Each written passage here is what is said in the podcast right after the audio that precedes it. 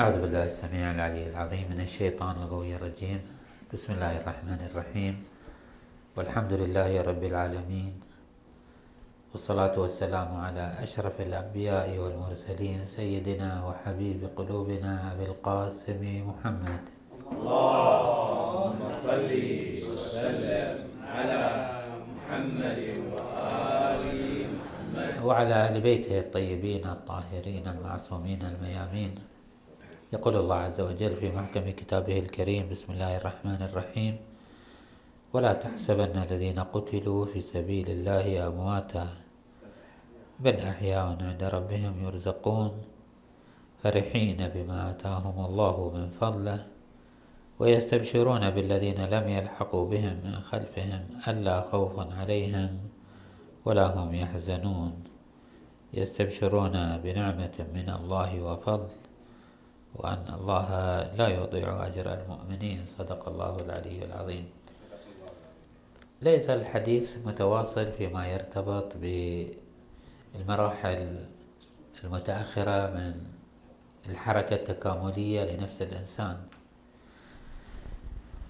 وفي الحقيقة فهم هذه المرحلة الأخيرة متقوم بالتزامات فكرية وعقائدية توضح حتى مداليل النصوص الدينية التي وردت في معالجة هذا الشأن. ونكرر ما ذكرناه تكرارا من أنه هذه النفس البشرية ذات هندسة معينة وذات خريطة محددة أخذت آه، تشكيلتها النهائية من خلال طي مراحل طويلة مراحل كانت تسمى بعالم الذر وعالم الفطرة وعالم آه، عوالم متوغلة في عالم الغيب. ثم الآن هي في هذه المرحلة مرحلة النفس البشرية آه، في هذه الأرض التي عبرنا عنها مصطلح عالم الاستخلاف. هذا العالم الذي وجدت فيه البشرية ذات مساحة اختيار لا توجد لكائن آخر. هذه المساحة أيضا هي مرحلة من مراحل وخطوة في طي مراحل الكمال الإنساني. يعني ما نشاهده من مفاسد وسفك دماء وقتل في هذه الكرة الأرضية وفي العالم الأرضي. وما يبدو لنا على أنه أشياء قبيحة وأشياء مؤلمة إلا أنها تنطوي في أعماقها على ضرورة من ضروريات طي الكمال. ماذا يعني ضرورة من ضروريات طي الكمال؟ يعني كما أن آدم عليه أفضل الصلاة والسلام كما مر علينا في سنين سابقة من أنه آه، أكل من الشجرة المحرمة وأخرج من الجنة. لماذا وقعت هذه المفاسد؟ التي تعبر عنها الآيات القرآنية لم نجد له عزمة أو مثلا. هذه ليست مفاسد بقول مطلق. هذه ضروريات تقتضيها تكامل البناء البشري. بمعنى أنها يراد للإنسان أن يعبر هذه الحالات.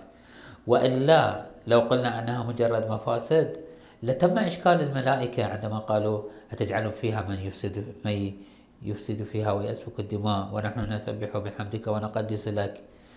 كلامهم من حيث أن الإنسان هذا الموجود يحقق شيء من الفساد صحيح ولكن الكلام أنه هذا الفساد وهذا السفك للدماء وما نراه هذا تقتضيه آه، الحاجة إلى بلوغ الكمال.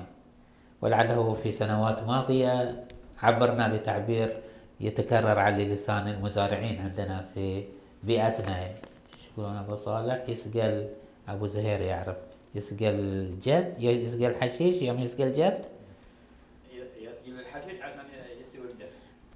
يعني لكي نوصل الماء إلى إلى المواد التي تحتاج إلى ماء ونريدها. لابد أن نصرف كثير من الماء يذهب إلى نباتات ليست مقصودة وليست مستهدفة. فهذا الكون وجد ليوجد فيه آه الرسول صلى الله عليه وآله والأئمة عليهم السلام وشيعتهم.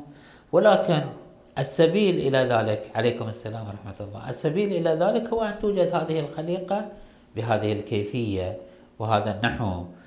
آه هذه ضرورة تقتضيها آه نعم الواقع الأرضي والتعارض الأرضي. في هذا السبيل في هذا الطريق طريق بلوغ مراتب الكمال تأتي مرحلة الموت. مرحلة الموت وأن بدأت أنها مرحلة مؤلمة مرحلة مزعجة مرحلة ولكنها سبيل الكمال ولكنها ضرورة من ضروريات الكمال. كما أن خروج آدم من الجنة ضرورة من ضروريات الكمال. في مراحل الغيب آدم عليه السلام أكل من الشجرة حسب تعبير الشجرة آه، مثلا آه، الآن ما هي حقيقة هذه الشجرة مر علينا بعض الكلام تفصيلا فيها. وخروج آدم ونزوله إلى الأرض آدم على نبينا وآله وعليه أفضل الصلاة والسلام.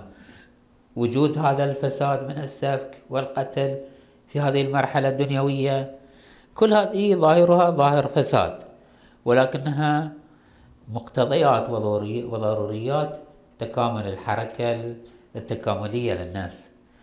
الموت هو حركة من هذا القبيل حركة كمالية. ولذلك في جلسة ما قبل لعله ليلتين كان العنوان هو هذا أنه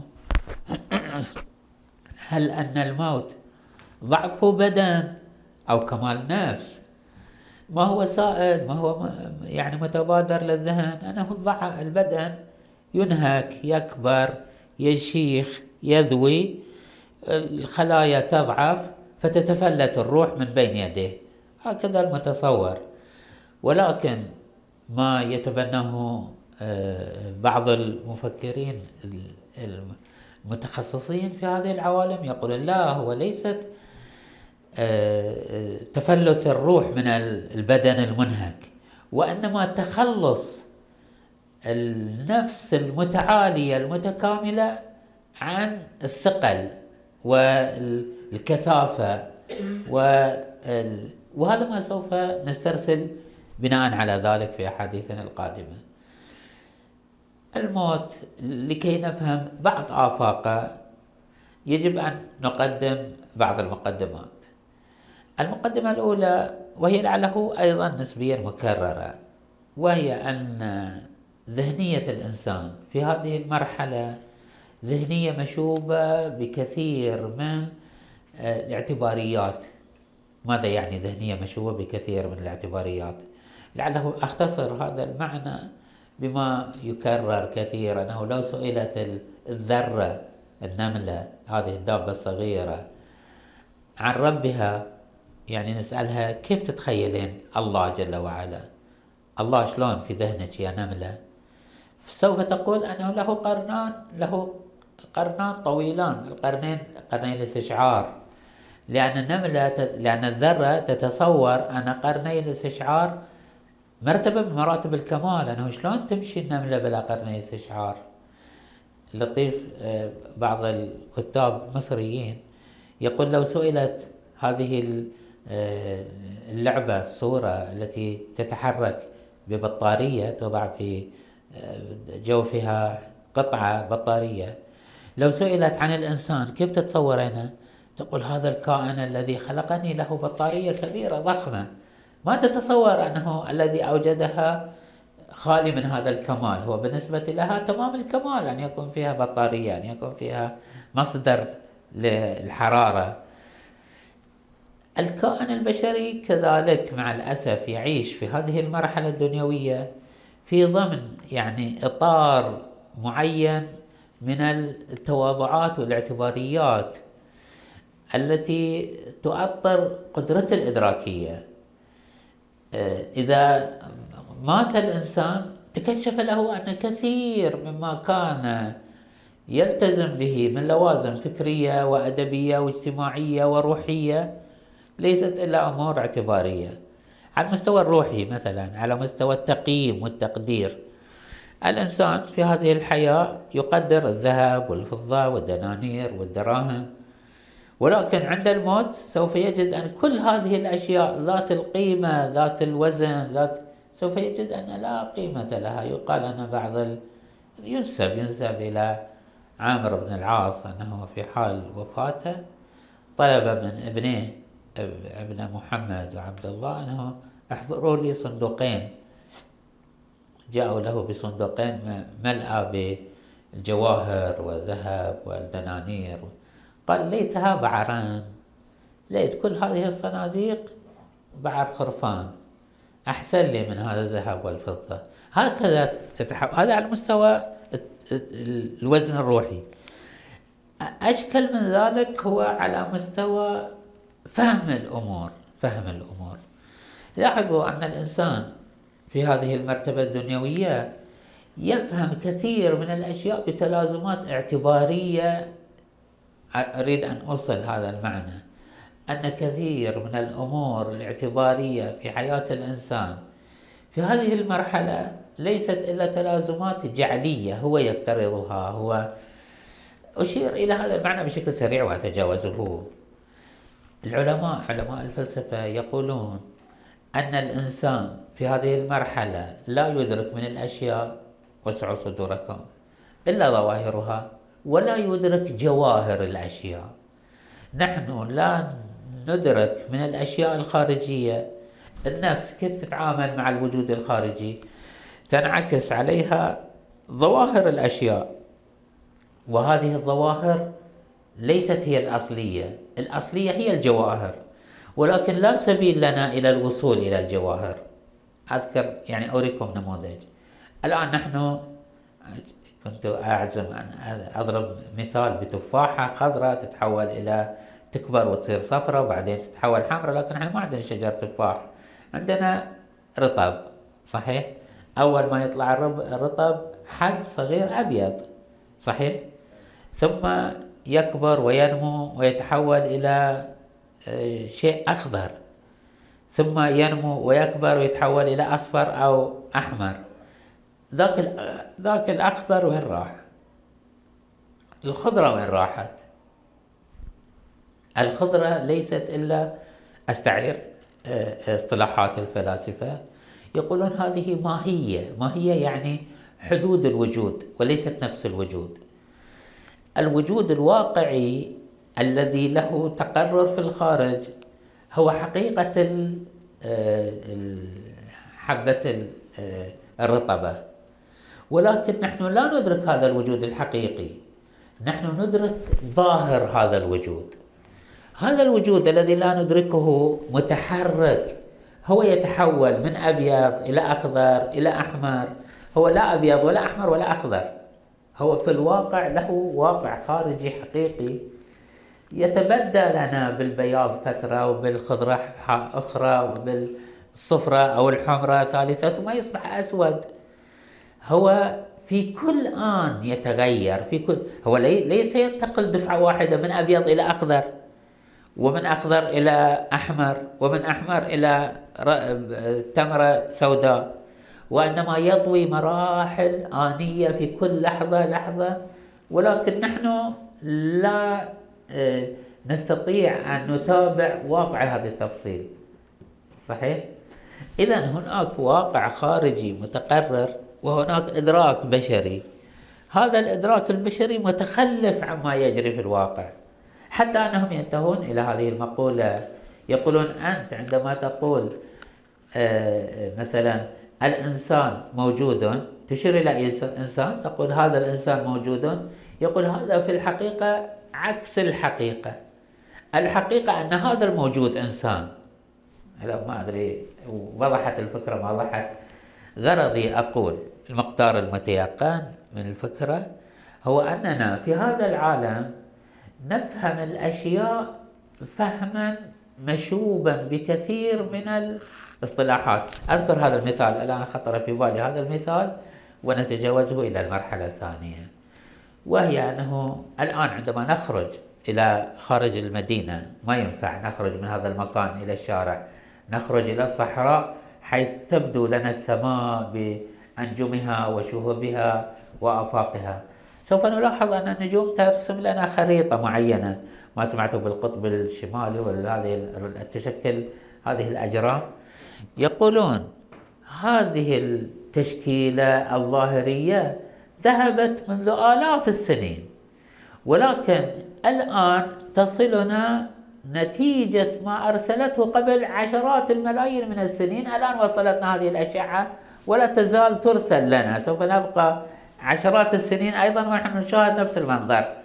هذا المنظر الذي تشاهده تغير هذا الجرم الذي أرسل لك هذا الشعاع ذهب ولعله دخل في نجم آخر وما اصطلاحاتهم.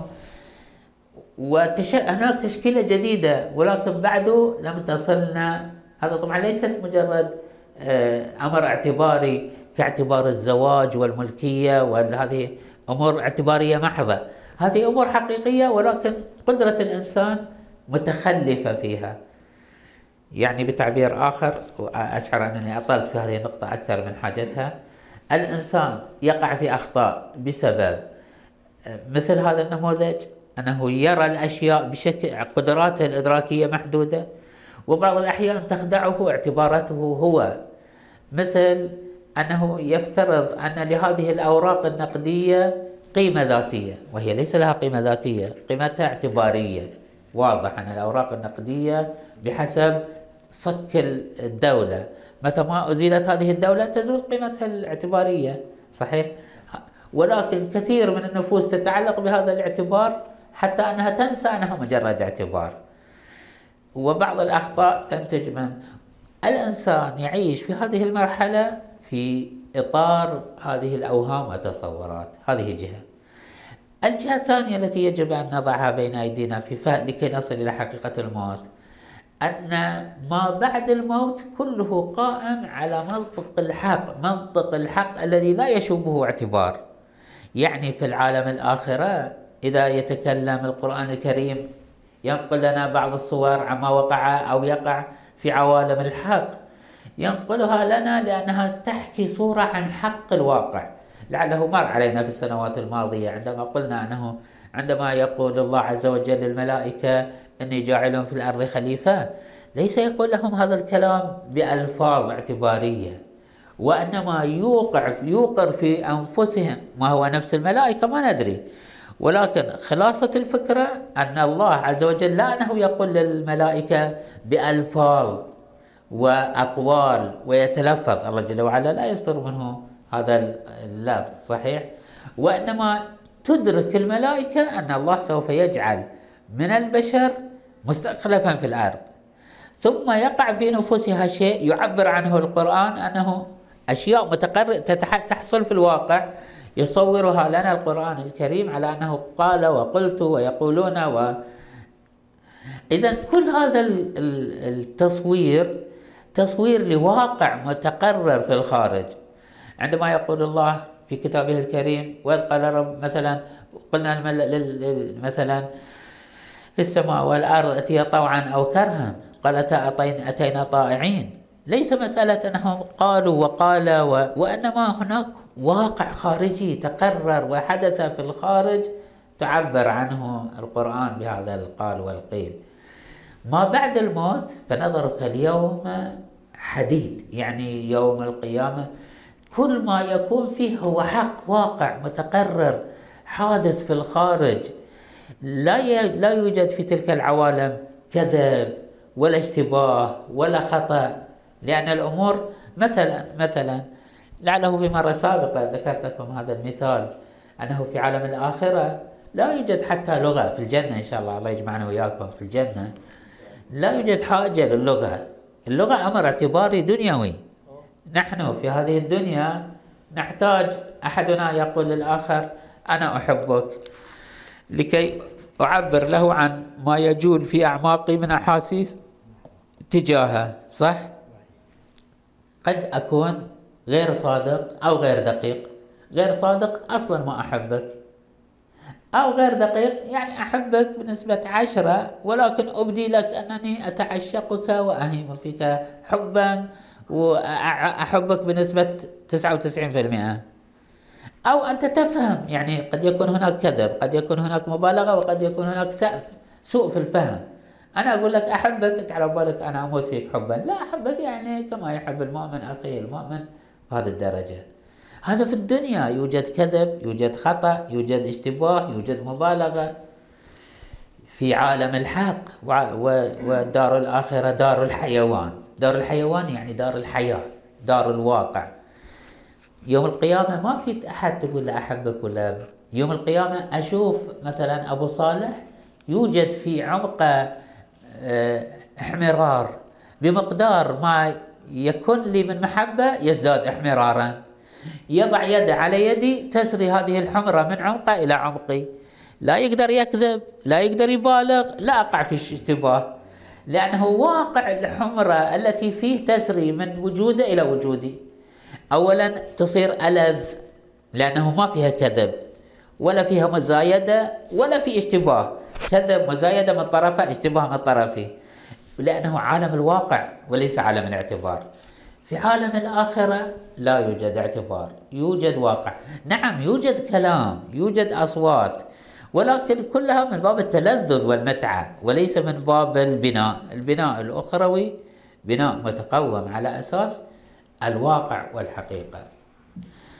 النقطة الثالثة التي أريد أن أقولها أنه ذكرت ذكرتها بالأمس وهي أنه ما سوف نذكره من الروايات والمؤشرات عن أحداث ما بعد الموت هي تتكلم عن حقائق ووقائع لمن يعيش في عالم المحدود وهذا في غاية الصعوبة.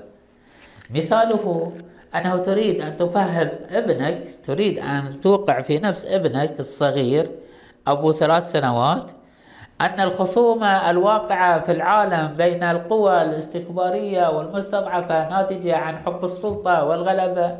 هو أصلا ما يفهم هذه القيم. هو يبي يأكل ويشرب وهذا قمة ما في هذا الوجود. أبو ثلاث سنين ما يفهم ماذا يعني سلطة وغلبة. عنده أمه وأبوه يحبون بعض وماشي الحال. مفاهيم ما يجدها في نفسه فلن يستطيع أن يتصورها. ما لم يحط بها في أعماقه في مشاعره لن يستطيع أن يتصورها في ذهنه. عادة يمثلون هكذا عندما يراد أن يفهم طفل أبو ثلاث خمس سنوات عن مثلا لذة الجماع والجنس. ما يفهمها لأنه ما يجد أسبابه. كيف يصور لنا القرآن الكريم واللسان الشرع كيف تكون فيه النفوس يوم القيامة وبعد الموت؟ نحن نعيش في عالم الاعتبار وفي عالم التواضعات وفي عالم الجعل الإنساني. بينما ما سوف يكون في الآخرة سوف تكون أشياء حقيقية واقعية. يشير إلى هذا المعنى العلامة طباطبائي رضوان الله تعالى عليه في هذه الآية في قوله عز وجل وجاءت سكرة الموت بالحق. يقول ماذا يعني جاءت سكرة الموت بالحق؟ أن عملية الموت عملية مرتبطة بعالم الحق وليس مرتبطة بعالم الظاهر. في الوصية يستحب أن تقول أشهد أن الله حق وأن البعث حق وأن الموت حق. إحنا كلنا ندري أن الموت سوف يقع صحيح؟ لا أقل على مستوى التصور. ولكن ماذا يعني أن الموت حق؟ ليس فقط الموت واقع سوف يجري في أرض الواقع. وإنما هو من عالم الحق. ونرجع هذا إلى ما ذكرناه في أحاديث سابقة من أنه ما هو حقيقة الموت؟ هل هو اكتفاء البدن في تدبير النفس؟ أو أن النفس كملت وأعرضت عن البدن؟ أو أنها كما تعبر الآيات القرآنية أنه اختيار إلهي وتدبير رباني وأن الله يتوفى الأنفس. حين موتها. الله هو الذي لأنه كما تقول الروايات أيضا أنه آه، النفس من عالم السماء من عالم الغيب والبدن من عالم الأرض وأن الموت هو رجوع النفس إلى عوالمها وأبقاء النفس إلى عالمها. نقطة أخيرة أقولها وهذه أرجو منكم أن تلتفتوا إلى هذا المعنى وسوف أكتفي بهذا المقدار صلى على محمد وآل محمد اللهم صل وسلم على محمد وآل محمد. علاقة النفس بالبدن علاقة الروح بالبدن. حاولنا أن نقارب في فترات سابقة أن النفس هي عبارة عن متولدة من البدن. في هذه الليلة نريد أن شوي نذهب في خطوة أكثر آه، ادعاء وهي أن البدن ليس إلا قشرة للنفس. بعض الحيوانات آه، تنمو وتصبح عليها قشرة ظاهرية. هي من بدنها. مثل الآن الله يسلمكم الأظافر. أليست هي من شأن البدن؟ في البداية يكون الظفر عبارة عن مثل اللحم. يخشن ثم يخشن ثم أصلا هو الظفر في بدايته لحم ينمو ولذلك يعني نقلم الاظافر نقلم الأجزاء التي شاخت وماتت. ثم ينمو الظفر. من وين ينمو؟ هو هذا اللحم الذي في بدني يكبر ثم يخشن ثم يصل الآن هذا الجزء من الظفر مؤلم ولكن الجزء الزائد نقلمه بالحديد ولا نشعر بالآلام. في بدايته عبارة عن لحم. الروح النفس والبدن من هذا القبيل. النفس هي التي تخلق هذا البدن هي التي تنشئه هي التي تبنيه. وهي النفس. مثل هذا الحيوانات اللي تحدث لها قوقعة لينة ثم مع الفترة تخشن تخشن تخشن ثم تتصلب وتصبح قطعة ميتة. وتصبح القوقعة تصبح هذه الجزء الحي في داخل هذا الجزء الميت. بهذا التقريب علاقة النفس بالبدن. هذا البدن ليس إلا جزء الروح الظاهرية. يعبرون هكذا أنه تتمظهر الروح بهذا البدن. أشير لكم إلى بعض الأمور التي تكشف عن هذا المعنى. لاحظوا أن معالم وجه الإنسان تتشكل بحسب تفاعل الروح. فرحان وسروران. لاحظ وجه الفرحان. ولاحظ وجه الكئيب. ما في فرق؟ فرق شاسع. يعني حتى في الآن في الرسوم يشكلون الوجه بفم مثلا منعكف على دلالة مثلا ومنعكف على الأعلى لدلالة الفرح. صحيح؟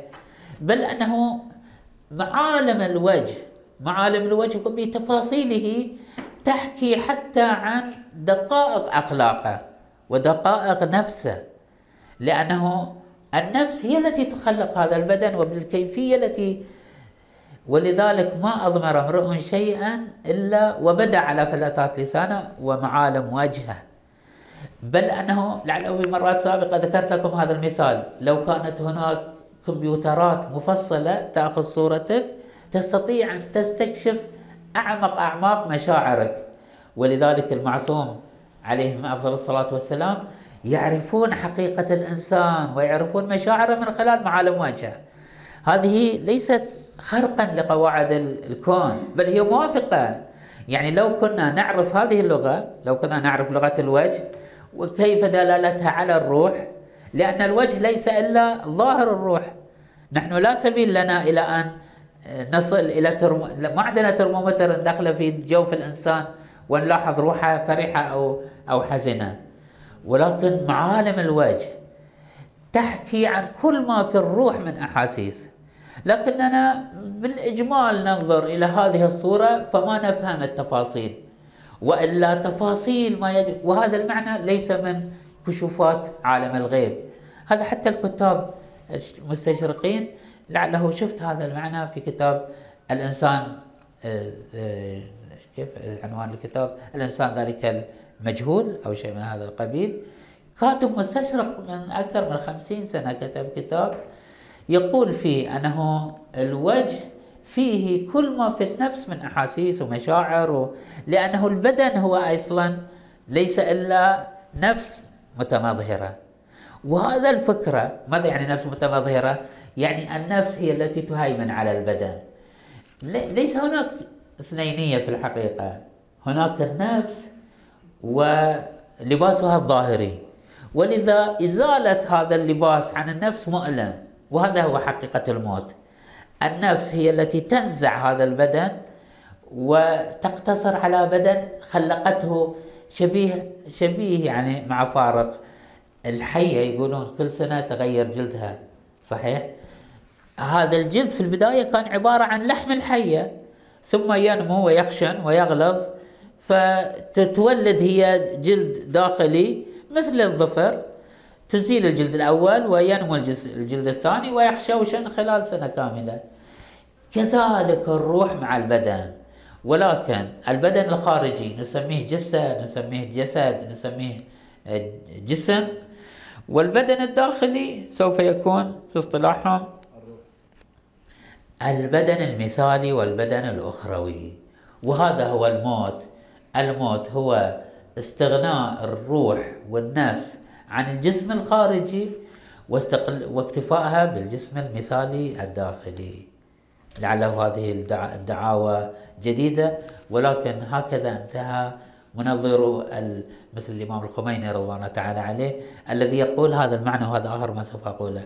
أن الموت ليس حالة مفاجئة بل هي حالة ليست حالة دفعية ولا مفاجئة بل هي حالة طويلة الأمد تمارسها النفس أو حسب تعبيره بالضبط. يقول عمال عزرائيل يعملون في سبيل فك الروح عن البدن منذ بداية ولادتك شيئا فشيئا فشيئا حتى يوم الموت.